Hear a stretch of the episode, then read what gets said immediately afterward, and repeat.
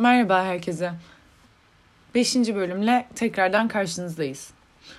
Bu bölümde iletişimde çatışmayı inceleyeceğiz. En genel anlamda çatışma iki veya daha fazla kişi ya da gruplar arasındaki anlaşmazlıklar, uyuşmazlıklar durumudur. Çatışma e, kişilerin iç dünyalarında yaşanan ve iki tarafında birbirlerinin iletişim biçimi e, tutumu, davranışından huzursuz olmasıyla başlayan bir süreçtir aslında. Kişiler arası bir çatışma olduğunun söylenebilmesi için en az iki kişi arasında algılanan ve çatışan amaçlara yönelik gerçekleşen anlaşmazlığın dışa vurulmuş olması gereklidir. Kişiler arası çatışmaların başlangıç nedenleri farklı biliş, duygu, iletişim becerileri, kültürel faktörler, rol farklılıkları olabilir. Çatışma yönetimi konusunda da geliştirilen birkaç yöntem vardır. Bu yöntemlerden ilki problem çözme becerisidir. Problem çözme tarzı iki taraflar iki taraf arasında işbirliğini kapsıyor ve iki taraf içinde kabul edilebilir bir çözüm bulabilmek amacıyla bilgi alışverişiyle taraflar arasında farklılıklar ortaya koyuyor. Bu stratejinin temel kuralı kartların ortaya konulmasıdır.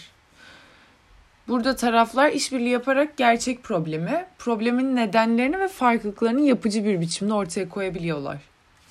Bu tarzın uygulanması açıklık, bilgi paylaşımı, alternatif yollar arama ve her iki taraf için de farklılıkların analizini içeriyor ve yaratıcı çözümler üretmeye de neden oluyor. Bence problem çözmek gerçekten çok önemli.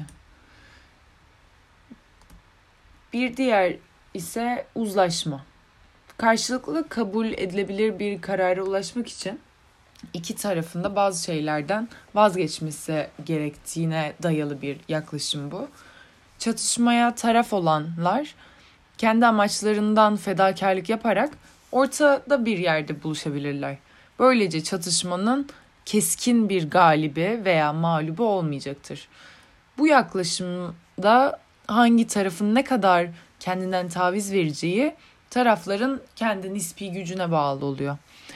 Çoğu kez bu yol geçici bir çatışma yöntemidir. Geçici bir çatışma yöntemidir ve bir süre sonra tarafların yeniden çatışması muhtemeldir. Ee, bir diğer ise zorlama.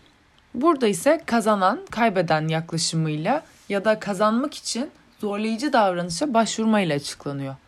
Zorlama tarzının uygulayan birey kendi amaçlarına ulaşmak için sıklıkla diğer tarafın ihtiyaç ve isteklerini göz ardı ediyor. Bir diğeri ise kaçınma. Çatışmaya müdahale etmeme, yani sorumluluğu başkasına yükleme veya geri çekilme şeklinde açıklayabiliriz. Kaçınma davranışını sergileyen kişiler kendi ihtiyaçlarını ve isteklerini olduğu kadar direkt taraf diğer tarafın da istek ve ihtiyaçlarını tatmin etmede başarısız olur. Bir diğeri ise uyma. Bu strateji bazı kaynaklarda yatıştırma olarak da geçebiliyor. Bu tarzda karşı tarafı yatıştırıp onu memnun etmek amacıyla farklılıkları göz ardı ederek iki taraf arasında ortak noktalar üzerine yoğunlaşılıyor. Daha çok aslarla üsler arasında oluşan çatışma, çatışmalarda aslar durumu kurtarmak amacıyla bu stratejiyi izleyebiliyorlar. Özellikle bizim ülkemizde geleneksel bürokratik bu yapıya sahip kurumlarda bu ast üst ilişkisi arasında güç mesafesi daha uzak olduğu için asların çatışmada üstlerin ihtiyaçlarına ve ilgilerine boyun eğmeleri yüksek bir olasılıktır. Yani bu strateji karşı tarafla ilişkinin korunması ve sürdürülmesine verilen önemin, ilgilerin ve ihtiyaçların duyurulmasına verilen önemden daha yüksek olduğu durumlarda etkili oluyor.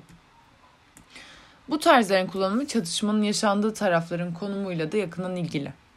Astıyla çatışma yaşadığında zorlama tarzını kullanan bir kişi üstüyle çatışma yaşadığında muhtemelen aynı tarzı kullanmayacaktır. Bir diğer başlığımızsa empati. İletişimde empati çok önemlidir. Karşı tarafın ne hissettiğini anlamamız gerekiyor ve empati de üç aşamadan oluşuyor. İlk aşama karşımızdaki kişiyi algılamaya çalışmak. Bir diğer aşama ise karşımızdakinin düşüncelerini doğru anlamak. Yani aa burada bunu demek istemişti. Bak burada bunu söylemişti gibi yorumlar katabiliriz. Aşama üçüncü aşama ise karşımızdakine onu anladığımızı ses tonu ve beden ve sözlerimizle ifade edebilmek. Düşündüm de zor bir durum atlatmıştın. Ben olsam bu konuda böyle davranırdım gibi. Bir diğer anahtarsa sen ben dildir. Sen dili suçlayıcı bir dildir. Davranıştan çok karşımızdaki kişiye yöneliktir. Kişiye anlaşılmadığını hissettirir. Aynı zamanda incitir ve bizi kırar. Çok fazla gürültü ediyorsun. Yemeğe hep sen geç kalıyorsun. Benimle hiç açık konuşmuyorsun gibi örnek cümlelerde sen dilini örnektir. Ben dili özellikle olumsuz duyguların yaşandığı durumlarda duygularımızı dile getiren iletilerdir. Savunmaya etmez, suçluluk hissettirmez. Ben iletisi alan kişi başkalarını düşünmeyi de öğrenir. Yüksek sesle konuştuğun zaman dikkatim dağılıyor. Böyle olunca da gerginleşiyorum. Ben konuşurken sözüm kesilince tekrarlamak zorunda kalıyorum. Bu da beni kızdırıyor. Gibi konuşmak etkili olacaktır. Karşımızdaki kişiye ben dili kullanırsak iletişimde çok daha etkili bırakmış oluruz. Bu iletişimden ne bekliyorum? Bu soruyu kendinize sormanız hep iletişimde çok büyük bir önem olacaktır. Şu an iletişimin neresindeyim? Amaçladığım noktada mıyım gibi soruları aklımıza getirmek, bunları düşünmek gerekiyor. İletişim hepimizin hayatında çok büyük bir yer kaplıyor ve doğru iletişim kurabilmek, etkili bir dil kullanabilmek, beden dilimizi güzelce kullanabilmek bizim için gerçekten çok önemlidir.